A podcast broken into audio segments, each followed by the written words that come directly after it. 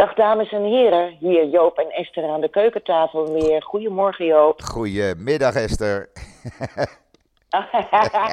ja, oké. Vanuit een koud Israël, een koud Israël. 3 graden was de gevoelstemperatuur vanmorgen. Hoe vind je die? Oef. Ja. Oef. Ja. Dat is even wennen voor Joop. nou ja, in ieder geval, het is podcast, de NIW podcast nummer 76. Absoluut. En, en jij werd vanochtend niet vrolijk wakker. Nee, nee. Ik werd via uh, een nichtje en mijn dochter erop gewezen dat iemand anders mijn foto gebruikt. En met iemand anders bedoel ik iemand die het uh, niet goed voor heeft met Joden. En alles wat met uh, Israël te maken heeft. Een, een grote antisemiet, een Jodenhater, alleen maar haatberichten de wereld insturen.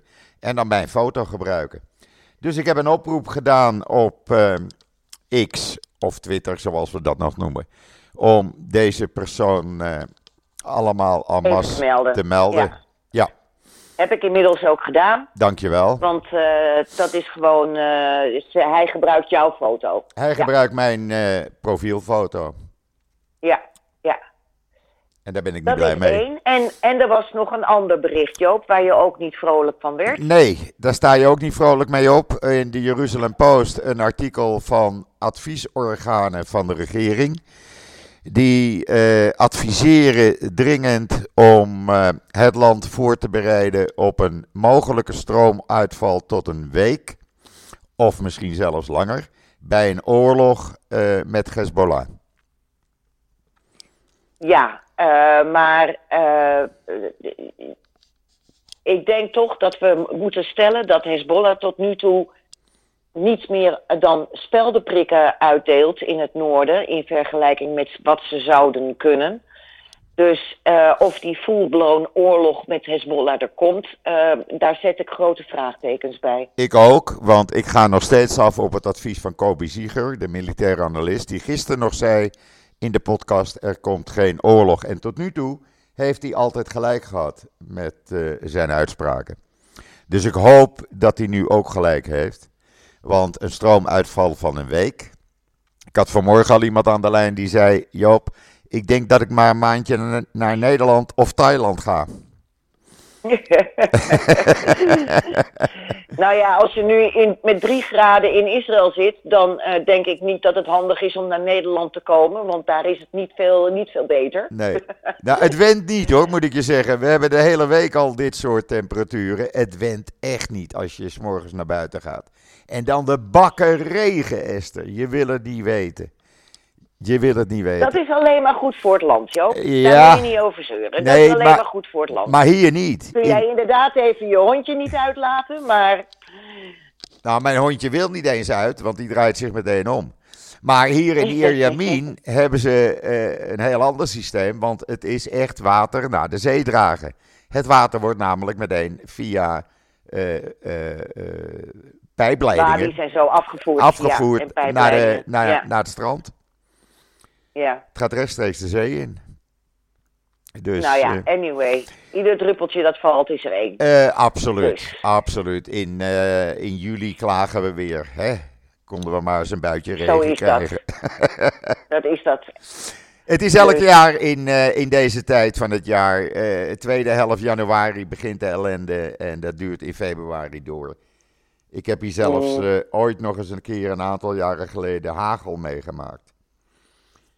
En uh, ik, kan me nog, uh, ik kan me nog herinneren dat mensen toen die hagelstenen gingen oprapen. Want er waren mensen die dat nog nooit gezien hadden.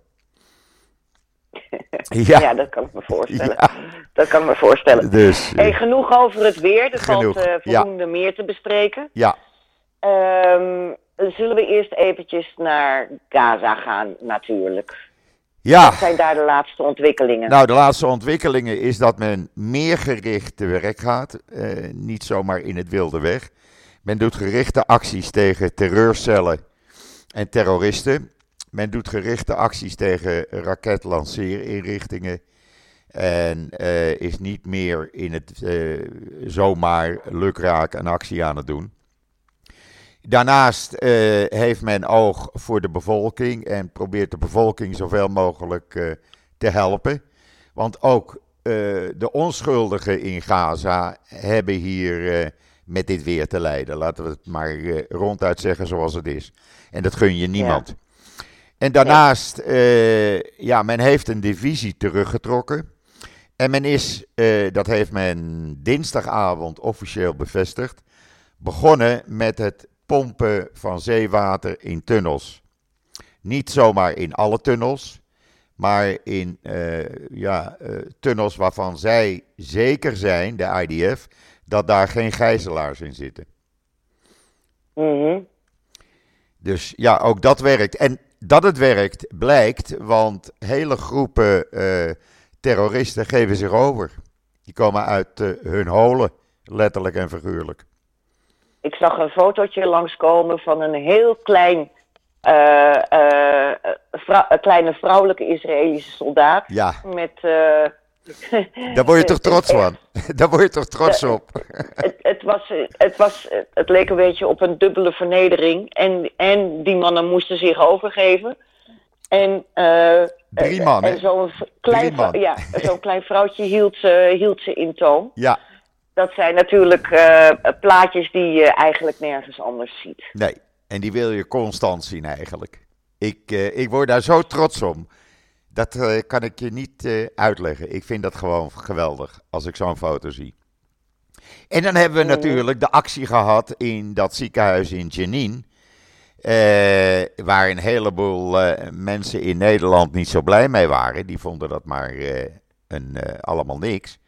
Maar dat is natuurlijk een geweldige actie wat ze gedaan hebben. En ik heb daar vanmorgen uh, nieuwe video's van gezien. Ja, ja. dat is ongelooflijk. Het is Fouda in het echt. Ja, dat, dat, zo noemen, noemden wij het ook op uh, Twitter, of tenminste mijn collega Bart Schut. Ja. Uh, Fouda, inderdaad. Um, en ze hebben daar drie Hamas-terroristen uitgeschakeld die uh, eigenlijk een soort tweede 7 oktober aan het organiseren waren. Ja. Dat is de intelligence. Ja, ze stonden ja. op het punt dat gaan, uh, te gaan uitvoeren. Hadden zich verstopt in het ziekenhuis. En deze uh, speciale politieeenheid. Die kwam dus verkleed als oude vrouwtjes, als een invalide in een rolstoel, vrouwen met een zo'n zo, zo baby uh, dingetje op hun arm. Uh, met boodschappentassen. Mannen met baarden. Kwamen ze het ziekenhuis het in. Het was een beetje zoals uh, Ehud Barak destijds. Hè, geweldig, geweldig. Ja. ja en ja. ze wisten precies in welke kamer ze moesten zijn. Ja, Ehud Barak, een voormalige prime minister van Israël, die zat ook bij zo'n soort eenheid uh, destijds. En die verkleden zich ook als een oud vrouwtje. Ze noemen hem nog steeds Babyface, geloof ja, ik. In Libanon was dat. In Libanon was dat, ja. Ja, ja. ja. Ik vond het geweldig om te zien, echt waar. Nou ja, intussen is hier uh, uh, in Nederland het uh, nieuws van de UNRWA nog steeds aan het nadenderen, ja. Joop. Ja. En wat voor ons helemaal geen nieuws was. Wij hebben in het NIW er al jaren over gepubliceerd dat de UNRWA zo corrupt als de pest is en dat daar allerlei dingen gebeuren die helemaal niet deugen. Ja. We hebben uh, nu uh, sinds 2015 ook tot twee keer toe een uitgebreid interview gehad met Hillel Neuer van UN Watch, die ja. dit uh, nieuws ook heeft, heeft gebracht en die uh, maandag was het geloof ik, voor de, uh, uh, voor de American Congress heeft gesproken. En hoe? hier, hier, nou, fantastisch. We hebben het ook allemaal geretweet, dus dat kunt u terugvinden op ons Twitter-account. En um, ja, we, je ziet precies wat er gebeurt. Er zijn een aantal media die zeggen het gaat maar om 12 UNRWA-medewerkers. Maar het is al lang al bekend dat het om veel en veel en veel meer UNRWA-medewerkers gaat. Ja. Wel dat er gaat, is de beerput nu open. Sowieso, het is uh, grappig om te zien dat iedereen geschokt reageert op die twaalf UNRWA-medewerkers. Want uh, ze hebben het niet gewoest, terwijl het, het bewijsmateriaal er al jaren lag. Ja. En uh, ik heb gisteren ook nog even getwitterd wat de vooral westerse landen doneren aan de UNRWA. de EU doet dat voor een enorm bedrag bijvoorbeeld, maar Nederland deed dat in 2022 ook nog voor 21 miljoen. Ja. en we hebben het even nagevraagd, maar dit jaar uh, heeft Hanke Bruin Slot, minister van Buitenlandse Zaken, tijdens het bezoek aan Israël nog 10 miljoen extra toegezegd aan de UNRWA. Nog even snel voordat uh, ze opschorten. Nee, nee, nee, nee, nee, nee, wacht even. Oh, pardon. Nee, nee, nee, dat is niet waar. Oh. Um, wat, wat bekend is, is dat Nederland altijd al in januari zijn vaste bedrag aan de UNRWA overmaakt. En daar kwam dus dit jaar 10 miljoen bij, naar aanleiding van die toezegging van Hanke Bruinslot. Daarna brak het nieuws van de UNRWA. Ah, oké. Uh, maar toen was het geld al overgemaakt. Dus hoe die opschorting er nu uit gaat zien, uh, bijvoorbeeld ook voor volgend jaar, dat is nu de vraag. Maar voor, zeg maar voor vier, 2024 kwam dat nieuws van, uh, van de UNRWA en van de corruptie daar en van de medewerking aan Hamas enzovoort kwam te laat. Dus ja, ja. dat was al overgemaakt. Maar Netanyahu was, uh, Netanyahu was gisteravond duidelijk tegen VN-vertegenwoordigers, VN-ambassadeurs. En er is een groep uh, op bezoek in Israël. En die heeft heel duidelijk, onomwonden gezegd, UNRWA moet opgeheven worden. En, ver en vervangen ja, worden door klopt iets anders. Moet absoluut. En daar pleiten we natuurlijk al jaren voor. Want het sowieso is het een. Uh, hoe vaak hebben wij het er niet over gehad, ja, Joop? Absoluut. Dat door die refugee vorm die bij de UNRWA in stand wordt gehouden, mensen niet aan het werk komen. Mensen hangen daar gewoon, en dan zeg ik het even plat, aan de tiet. Ze krijgen iedere maand geld van de UNRWA. Ik heb dat zelf gezien in Ramallah. Daar zijn we een, um, een, zo, een zogenaamd vluchtelingenkamp ingegaan. Nou, dat is uh, vreemd om te zien, een vluchtelingenkamp, want het is gewoon een wijk in de stad Ramallah. En daar hebben mensen dan allemaal van die gele kaartjes, waar iedere maand op afgetekend wordt hoeveel geld ze krijgen van de UNRWA. Um, uh, waardoor ze ook ja, niet aan de slag gaan, zeg maar, want ze krijgen dat geld. En uh, ik heb ook al gezien dat een senior uh, Israëlische official heeft gezegd van uh, het is niet verstandig om dat nu al te doen, want dan valt he echt heel Gaza in elkaar. Maar er zou dus na deze oorlog zou een nieuwe vorm moeten worden gevonden om Gaza op te, op te bouwen en de UNRWA uit te schakelen. Ja. En daar vind ik ook wel wat voor te zeggen. Ja. Daar vind ik ook wel wat voor te zeggen. Alleen die geldstromen die er nu naartoe gaan, die zouden nu veel beter moeten worden uh, gecheckt. En um, uh, daar zou veel meer verantwoording voor moeten worden afgelegd. Ja. Maar hetzelfde, dus, hetzelfde, geldt voor, hetzelfde geldt voor de hulpgoederen. Want het grootste gedeelte wordt meteen zodra het de grens overgaat in beslag genomen door Hamas. Daar gaan gewapende... Daar zijn filmpjes van, ja, inderdaad. Gewapende die, die terroristen... dan de zaak allemaal weg. Ja, ja. precies. Die ja. gaan op die vrachtwagens zitten. En die jatten gewoon, plat gezegd, die vrachtwagens. En daarna verkopen ze die hulpgoederen tegen enorm hoge prijzen. Woekerprijzen. Ja. ja. Ja. En zo komen ze aan hun centjes. Precies. Precies. Ja. Dat moet is, allemaal uh, veranderd worden. Dramatisch. Ik zag uh, voor, bij Forbes dat... Uh, wie was het ook alweer? Ik zag een cover langskomen komen van Forbes... dat een van de uh, leiders van Hamas nu uh, 5 miljard uh, dollar kan wegtikken op zijn rekening. Ja. Dan moet je toch ook afvragen van waar komt al dat geld vandaan? Nou, dat weten we dus wel. Ja, die drie leiders van Hamas, hè, Hanei en, en, en, en die twee anderen... die uh, wat minder uh, op de voorgrond komen... die hebben iets van, van 11, 12 miljard in totaal. 11, 12 miljard dollar bij elkaar op hun bankrekening. Ja, ja daar kan je een dat heel ja. land mee opbouwen. Ja, ja, maar goed, dat weten we. Kijk ook als dat staatje, als je dat staatje ziet dat ik heb getwitterd. Ja.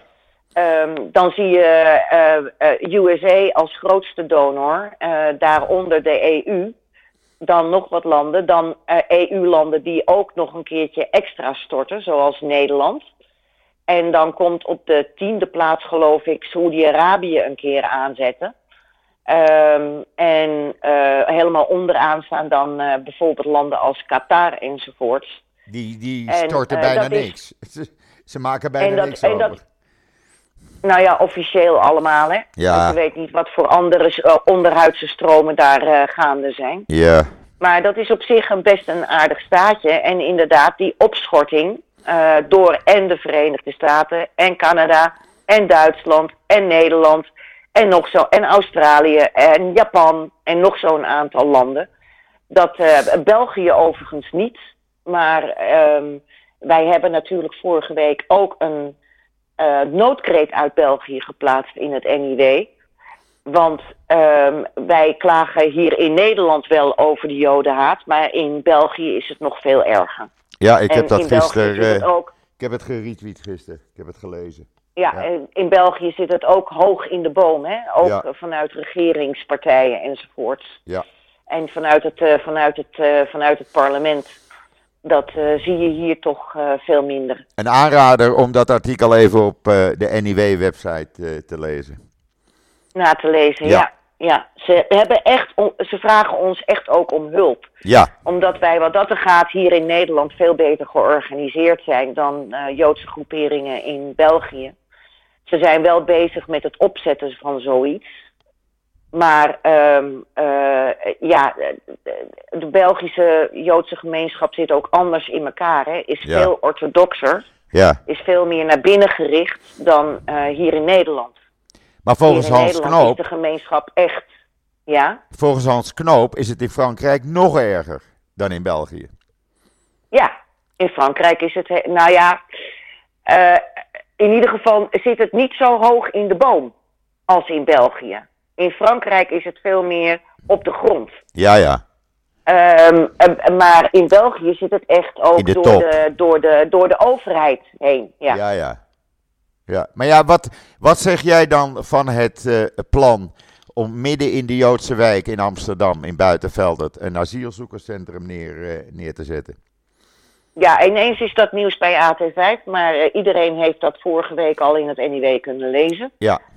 Um, inderdaad, uh, opnieuw wil dus uh, niet Amstelveen hoor. Het is volgens mij Buitenveldert. Ja, de wijk uh, Kronenburg. Men... Wijk Kronenburg. Ja. ja. opnieuw wil men dus in het hart van de Joodse gemeenschap een asielzoekerscentrum gaan neerzetten. Ja. En daar zijn zorgen over. Dus daar is nu overleg over met de gemeente. de NIAS, de Joodse gemeenschap de traditionele Joodse gemeenschap, zeg maar, die heeft een, uh, een brief gestuurd naar de gemeenteraad met de vraag van ja jongens, is dit nu wel verstandig? Ik begrijp dat de Joodse gemeenschap daar niet op zit te wachten in het nee. hart van, van, van nee. dat kleine, relatief kleine oppervlakte waar, waar zoveel Joden wonen. Precies. Kijk, ik ga niet alle asielzoekers over één kam uh, scheren. Maar om zo'n centrum vlakbij synagoges, de drie Joodse scholen, een Joodse begraafplaats, nou ja, noem maar op, uh, neer te gaan zetten, ja, dan denk ik, dan kan het ook ergens anders. Nou ja, let wel, hè, we moeten even uh, onderscheid maken. Um, er zijn twee enorme hotels van een Joodse eigenaar die al sinds jaar en dag Oekraïense vluchtelingen opvangen. En die Oekraïense vluchtelingen die doen het hartstikke goed. Ja. Uh, als je ook in sommige Joodse winkels komt, dan uh, word je bediend door Oekraïners. Die willen echt aan de slag. En um, uh, er is net van het CBS, heb ik vanochtend nog getweet, dat al 55% van de Oekraïense vluchtelingen uh, en dan moet je daar dus uh, kinderen en oude vandaag uh, van aftrekken. Die hebben allemaal al een baan, die zijn in loondienst. Dus dat is een heel ander soort vluchteling dan asielzoekers uit Afrika. laten we maar zeggen, moslimlanden. Juist. Dat is gewoon, dat zijn, en ik snap daarom ook die opmerking van Mona Keizer hier niet zo van stuur die Oekraïners maar terug naar zogenaamd veilige plekken in Oekraïne. Want die zijn er gewoon niet. Um, dus uh, dat snapte ik niet zo goed. Alhoewel ik uh, het met veel dingen van BBB eens ben. En ook Caroline van der Plas zat ook op zondagochtend weer. Dan komt ze vanuit Deventer komt ze naar Amsterdam om bij de Holocaust Memorial Day te zijn in het Wertheimpark in Amsterdam. hulde, hulde. Maar die opmerking van Mona Keijzer begreep ik niet zo goed. Want dan kan ik me voorstellen dat je wel andere prioriteiten hebt als, je, als het gaat over vluchtelingen. Dat dacht ik ook. En uh, vluchtelingen of asielzoekers, dat zijn twee verschillende dingen natuurlijk. Ja. ja. ja. Maar goed, het zijn ontwikkelingen waar je ook niet blij van wordt. Nee, ik kan me, ik kan me de zorgen voorstellen. Uh, ik hoor dat van vrienden en, en familie. Uh, men is niet blij. Nee, men is zeker niet blij. En dan kijken we natuurlijk ook nog een keertje naar wat er gebeurd is op de Hogeschool Utrecht. Ja, was ook eens zo. Daar hebben we. Het was dat, uh, en met dank aan X, met dank aan Twitter. Ja. Uh, het is dat er meteen ongelooflijk veel. Um, heibel. Heibel. heibel en verontwaardiging over was. Want uh, de Hogeschool Utrecht die had zich gewoon laten ringeloren door een uh, pro-Palestijns clubje. En uh, waren geschrokken voor eventuele demonstraties of wat dan ook. En hebben toen maar de zaak afgezegd. Want de Holocaust, dat ging om een cursus Holocaust-educatie, mede georganiseerd met het CIDI. En nou ja, de Holocaust moesten we maar in vonden zij in eerste instantie in diverser en breder perspectief plaatsen. Ja. Nou, nou is de Hogeschool uh, Utrecht niet zo'n beste school. Hij staat één na onderste in vergelijking met alle andere hogescholen in Nederland. We begrijpen nu waarom. Want ja. hoe, hoe zet je dat in perspectief? Ja. Weet je, dit was gewoon puur een weer een knieval naar, uh, de, uh, uh, naar dit soort brulaapjes toe. En later ging het dan zogenaamd om de veiligheid toen ze zagen wat voor heibel erover kwam. En uiteindelijk bleek gewoon dat die eerste reden wel degelijk de reden was, want daar wilden ze dus onderuit komen. Maar er is dus maandagmiddag een gesprek geweest tussen Sidi en het CEO van Ganam Hetsberger was daar ook bij. En de schoolleiding. En nu is het toch allemaal teruggedraaid. Maar het is natuurlijk van de zotte. Van de zotte. Dat dit soort leerinstanties in eerste instantie zo hun oren laten hangen. Naar een paar uh, uh, generatie OX, wat is het? Nee, generatie O is het geloof ik uh, brulaapjes. Die, die ook nog eens geen enkele kennis van zaken hebben. Nee. Dus het is, het, de wereld is een beetje gek geworden hier. Nou ja, de wereld het, is een beetje gek geworden hier. Ik, uh, ik had het een tijd voor me gehouden, maar ik kreeg informatie, uh, schriftelijke informatie, uit artikelen. Waarbij, waarbij bleek dat dat clubje New Neighbors onder andere opgericht was door een Syrische vluchteling die zeven jaar geleden naar Nederland kwam. Dat vertelde hij mm. zelf in een interview met uh, eh, RTV Utrecht. Twee jaar ja. uh, geleden. En dan hebben we natuurlijk uh, wat Janke ja Rabijn Janke Jacobs afgelopen dinsdag in de podcast zei. En daar heeft hij gelijk aan. Dit soort clubjes, maar ook die clubs die vanavond weer overal in Nederland sit-ins in treinstations organiseren. Die worden aangestuurd vanuit het buitenland. Die worden betaald vanuit het buitenland. En die worden geïnstrueerd ja. vanuit het buitenland. Het zijn helemaal geen ja. spontane Nederlandse clubjes.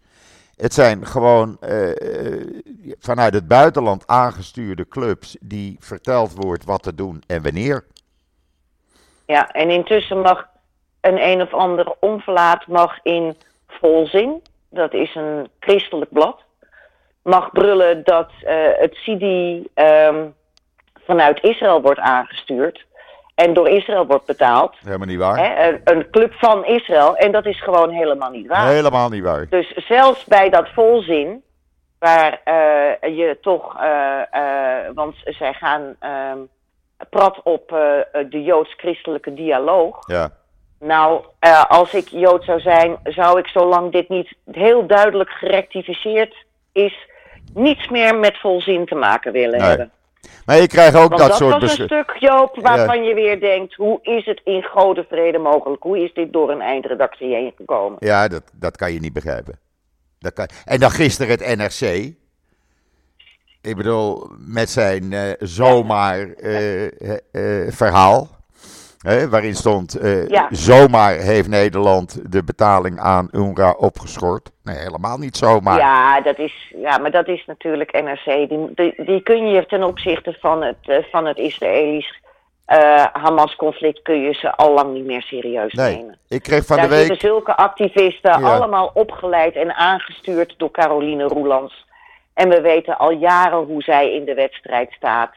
Dus, eh, eh, weet je, de- het, dat is natuurlijk totale onzin. Dat is, dit is puur activistische journalistiek. Ja, Ik vind dat niet erg, hè. Ik heb, ik heb geen bezwaar tegen eh, ehm, eh, journalistiek vanuit een bepaalde hoek.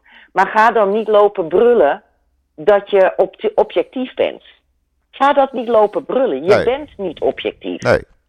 Nee. Ik kreeg van de week een artikel toegestuurd van de NRC. eh, waarin ze deden voorkomen dat er in Israël totaal geen aandacht is van het leed van de eh, eh, bevolking in Gaza. Nou, die Ja, aandacht is ja, er wel, ja. want die zie ik elke avond op televisie. Je leest het in de Engelstalige en Hebreeuwse kranten. Je ziet de foto's. Er wordt volop aandacht aan besteed.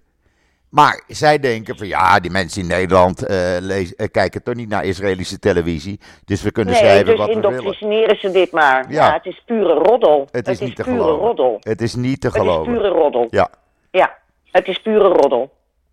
Nou ja, en dan had ik natuurlijk, Joop, daar heb ik jou ook over gesproken. Ja.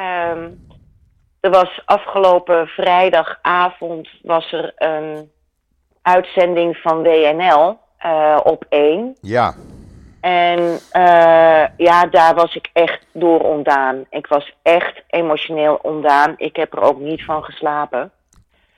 Want eh, daar zaten aan tafel en Katipiri, wat zo ongeveer de grootste anti-Israël bruller in de Tweede Kamer is. Naast Denk natuurlijk, maar die, die schrijven we even terzijde.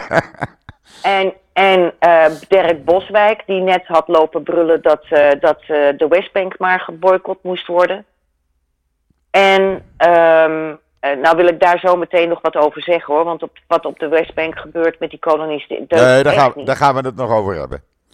Daar gaan we het nog over hebben. Maar, eh, en, en Koos van Dam. Die werd aangekondigd door Sven Kokkelman als een eh, zeer gerespecteerd voormalig topdiplomaat. Maar er wordt weer niet. En die man liep leeg. Israël wilde al sinds 1981 geen vrede meer.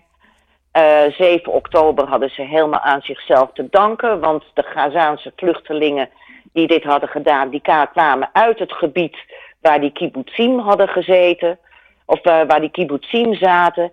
Hij, hij, hij rente van het een naar het ander.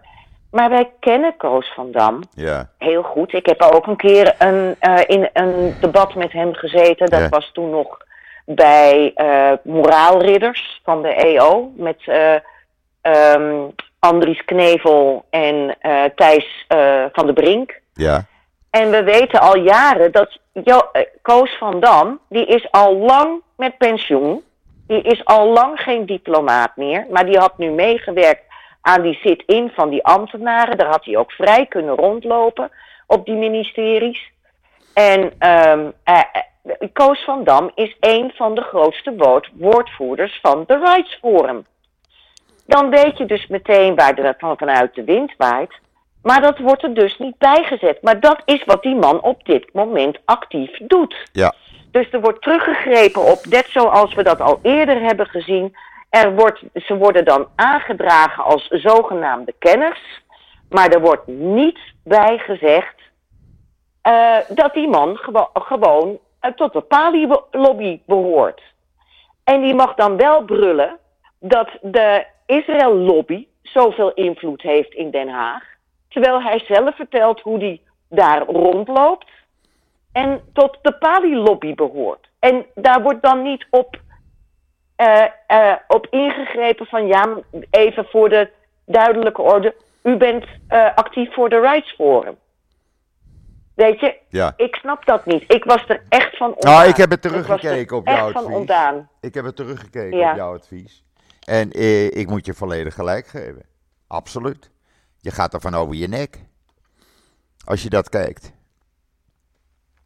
Ik vond het heel verdrietig. Ja. Vooral van WNL, want ik had dat van Had ik ook niet verwacht. echt niet verwacht. Nee. Dat is de laatste omroep die zeg maar nog een beetje eh, eh, ook de andere kant laat zien. Ja. En, eh, en dat dit uitgerekend uit hun koker kwam, dat vond ik, nou, ik, ik was er echt door ontdaan. En ik zag het al bij de aankondiging van vanavond bij op 1, deze drie. Ik denk, hoe hebben ze nou deze drie gezamenlijk uit kunnen, uit kunnen nodigen? En ik was niet de enige, want Frans Wijsglas die twitterde ook al van... is dit niet een ontzettend eenzijdige tafel vanavond? Dus ja, het- ik had er buikpijn van. Ik kan me dat Ik had er voorstellen. buikpijn van. Ja. Ja. En eh, Dirk Boswijk heeft zijn mentions eh, van mij uitgezet. Oh. Maar wat ik ook heel frappant vond, eh, eh, Dirk Boswijk is dus buitenlandwoordvoerder van het CDA.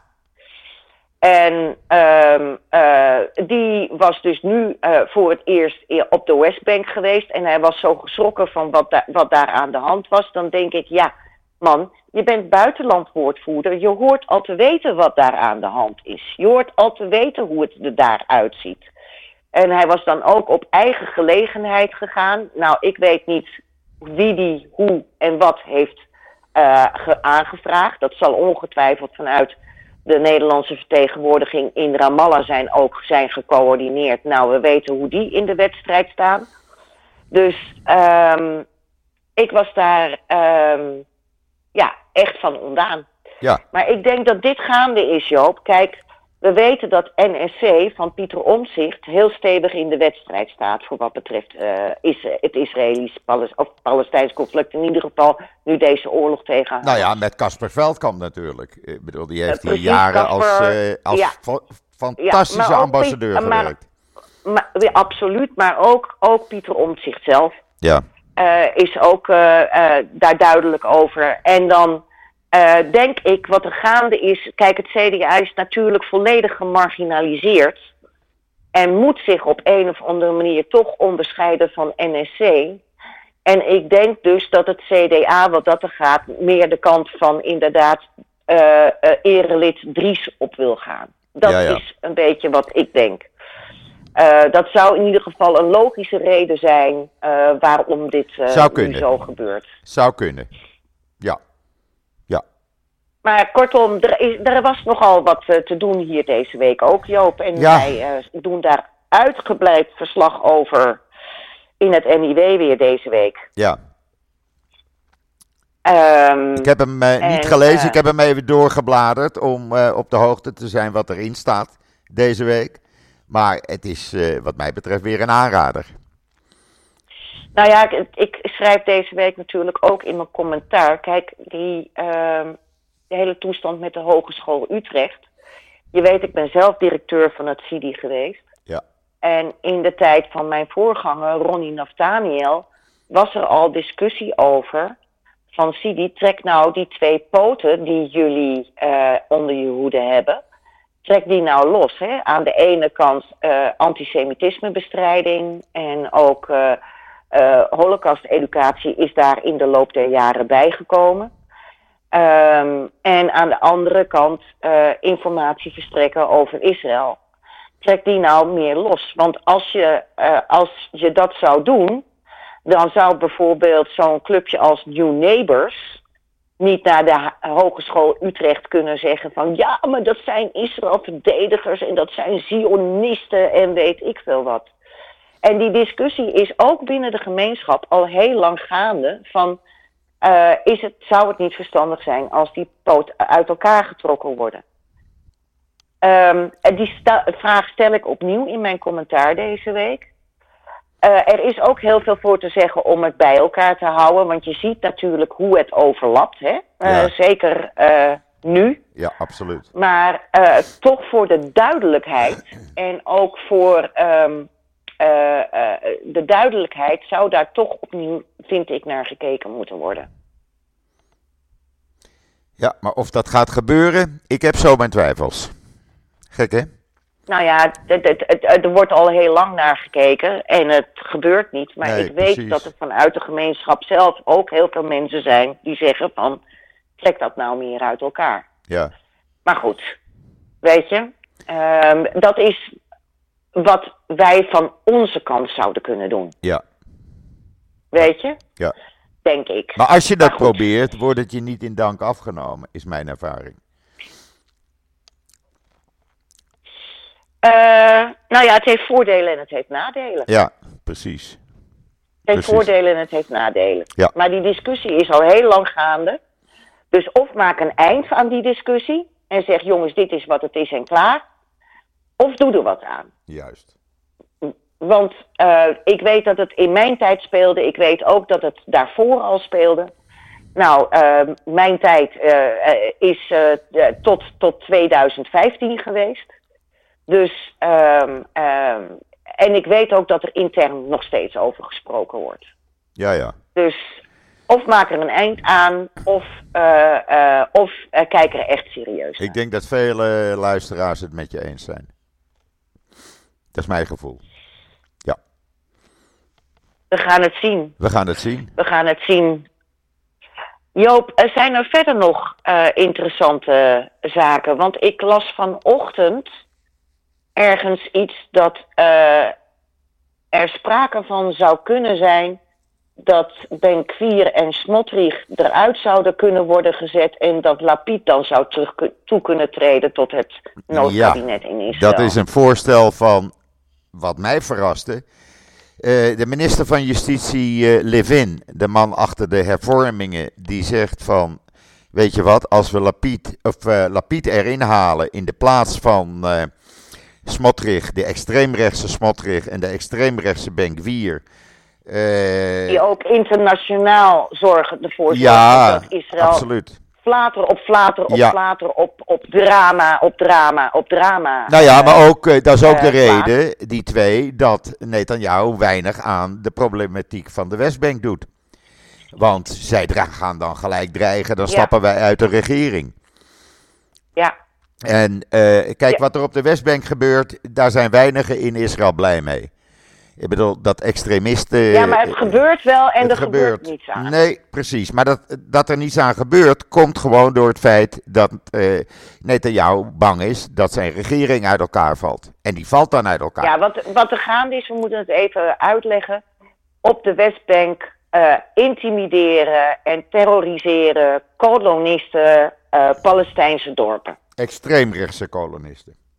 Ja, Want niet Echt iedereen op de Westbank. Niet iedereen op de Westbank is zo, hè? Eh, nee, nee, nee, dat moeten we ook zeggen. Maar eh, er is een klein clubje Ja, Eh, of een relatief kleine club die Ja. mayhem, mayhem, mayhem Ja. veroorzaakt. en gesteund worden door en Smotrich dat en zijn Benkwier. allemaal aanhangers van, ja, aanhangers van Smotrich en Benkvier. Ja. Dus als je Nou, die dat eruit een zet, schande. als je die eruit zet, dan ontneem je de macht van die kolonisten. Snap je? Dan kan je er wat tegen doen. Dan kan je eh, gewoon zeggen tot hier en niet verder. En nou is het afgelopen, klaar. En dan Maar erin. eh, het, punt is, ja, het punt is dat Lapid altijd heeft gezegd: ik ga niet in zee met Netanyahu. Ehm, maar. eh, ja, maar dit gaat ja, om een oorlogskabinet, hè? Dit is niet een gewone Ja, regering. dit gaat om het noodkabinet. Juist. Nee, dit, Dit gaat, gaat- om een noodkabinet. Precies, precies. En dat is wat anders, want daar zit Gans ook in. Eh, Gideon Saar, iedereen zit daarin, behalve Lapid tot nu toe. Maar dan moet je die twee eh, extreemrechtse eruit hebben. Want Ja, maar die stel je dan kalt. En dat zou voor de hele wereld heel welkom zijn Zo. om die kalt te stellen. En hoe? Goedemiddag. Ja, ze zijn nergens welkom. Ze hebben geen enkele invloed, alleen bij hun eigen achterban. Niemand in het, eh, in het land eh, eh, die zegt van heerlijk dat zij in de regering zitten. Helemaal niet. Helemaal niet. Het is maar dreigen en dreigen en dreigen. Voor mij mogen ze weg. En zo snel mogelijk. Heb, Heb jij er enig zicht op, Joop, of die aanhang van Smotrich en Bank 4 op dit moment op de Westbank groeit of dat die afneemt? Nou, die Is groeit. daar zicht op? Zijn is- daar peilingen over? Ja, die is gegroeid. Die is gegroeid. Ze krijgen ook meer zetels bij eh, een stemming. Als er weer verkiezingen zouden zijn. Dus je moet deze, deze, deze club moet je, eh, de kracht ontnemen. En dat kan je alleen maar doen door Smotrich en Benkwier uit de regering te zetten. Klaar. Punt. Ik bedoel, dat zijn Ja. dezelfde figuren die van de week, oh, zondagavond, een conferentie hebben gehouden in Jeruzalem. Eh, om na deze oorlog eh, Gaza maar weer te gaan bezetten en te kolon- Bezetten, koloniseren.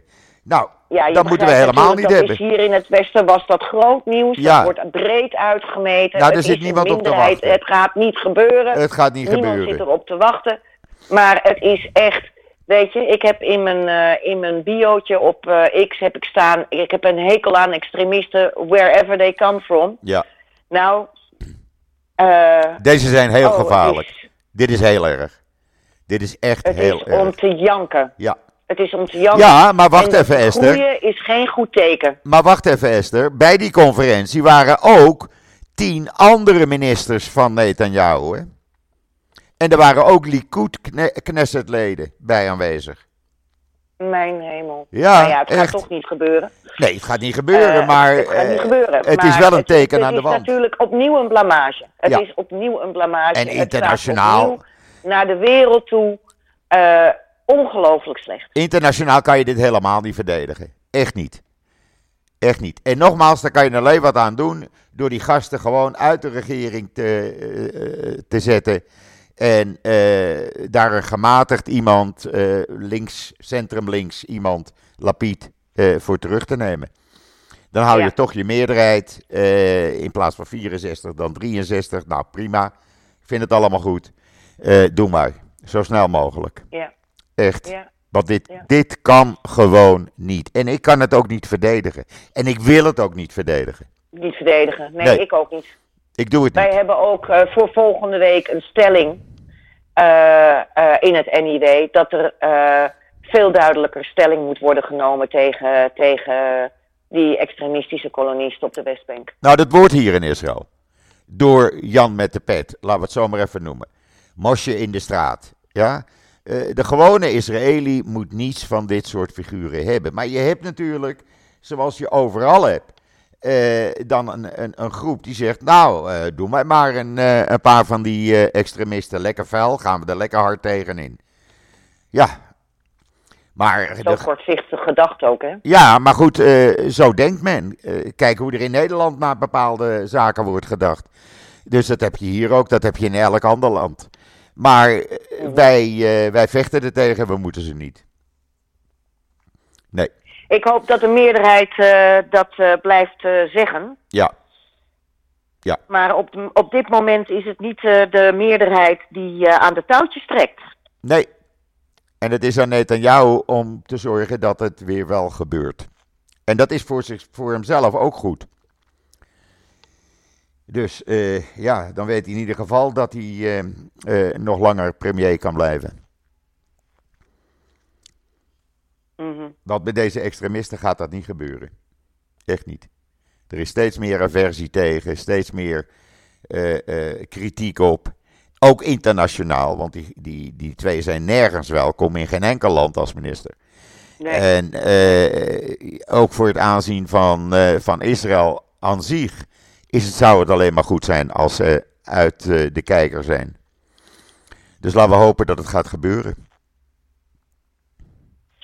We gaan het, eh, we, zullen, we, we hebben geen glazen bol helaas, Nee. Joop. Nee, Net Nee. zoals eh, met de houding van Hezbollah niet en eh, die waarschuwing waarmee we begonnen Ja. niet. nee, Ehm, en ik vind het op dit moment nog steeds. eh, laten we onze zegeningen tellen. Nog steeds dat, dat Hezbollah zich relatief op de achtergrond houdt. Ehm, eh, in ieder geval niet full force erin gaat. Nee. Want ja, dan, eh, dan, hebben we, dan heeft Israël gewoon nog een groter probleem. dan hebben we echt een enorm probleem. En zoals Kobe. En nog even om terug te kopen, Ja. komen op die Fouda-actie in Jenin. Ja, Wat ik dus nergens zie, eh, is dat die actie van, ehm, eh, van de veiligheidsdiensten ehm, ook gewoon goed zijn voor Abbas. Hè? ja, Abbas heeft natuurlijk, ik blijf dat maar herhalen. Abbas heeft een enorm groot probleem. Eh, de hele wereld kijkt naar de Palestijnse autoriteit. eh, voor zometeen ook eh, eventueel Gaza na Hamas. ja, Maar niemand lijkt zich te beseffen dat ehm, Abbas ook op de Westbank een groot probleem heeft, omdat de, eh, de aanhang voor Hamas veel groter is dan voor de corrupte Palestijnse autoriteit. Ja. En dat als er verkiezingen op de Westbank zou worden, zouden worden gehouden, dat Hamas daar zou winnen. absoluut. Ehm, En hoe? Dus in wezen is de rol van Abbas gewoon uitgespeeld. En daar zou gewoon echt een nieuwe leider moeten komen. Eh, die eh, zijn eh, bevolking weer op het goede pad zou kunnen zetten. Waardoor er inderdaad in ieder geval weer iets van een goede dialoog zou kunnen ontstaan. Maar Abbas is niet rouwig geweest om die actie in Jenin. Nee, daar is hij blij mee. Daar is hij blij Daar mee. is hij blij mee. Ja, absoluut. En dan wordt hier, en dan wordt hier onkundige typetjes hier in Nederland zeggen dan... Oh, en het is een schande. En het is... Er was zelfs iemand die het vergeleek met Breivik. Ja, dan ben je echt... Ja, ja, ik las het. Ik las het. het mevrouw Tineke Ja. Benema.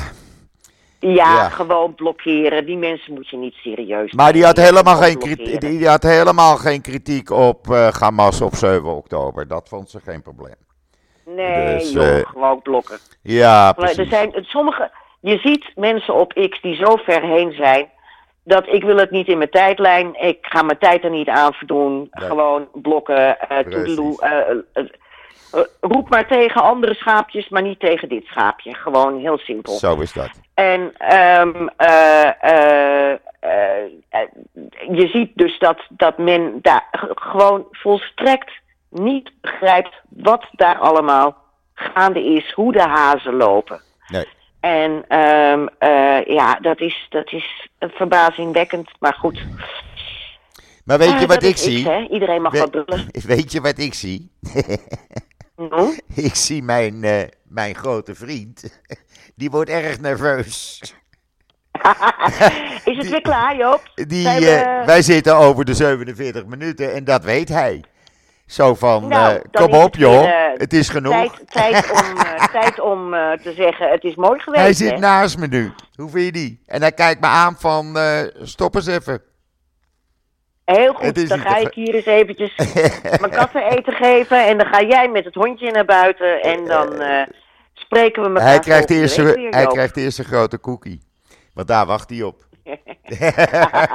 Heerlijk vind ik dit. Heerlijk. Daar geniet ik van. Dat Leuk, maakt hè? mij blij. Ja. Ja. dat maakt me blij. Hé Mickey? Begrijp ik. Ja. Oké, Messi. Ik wens iedereen Shabbat Shalom. eh, vanuit Israël. En eh, een goed weekend. Eh, daar komt hij. Ja, daar is hij hij. begint te blaffen. Ja. En eh, ik wens iedereen vanuit Nederland Shabbat Shalom. Of u nou luistert in Israël of in Nederland of ergens anders. Zelfs in Want Alaska. we merken, bijvoorbeeld, we worden eh, veel beluisterd, Joop. En, Over de eh, 680.000 luisteraars op dit moment. Kan je het geloven? Ja, ik, Sinds we op Spotify te vinden zijn, gaat het enorm snel. Nou dat is fantastisch. Ik Ja. zal dat ook eventjes de- eh, deel, eh, meedelen aan eh, wat instanties hier.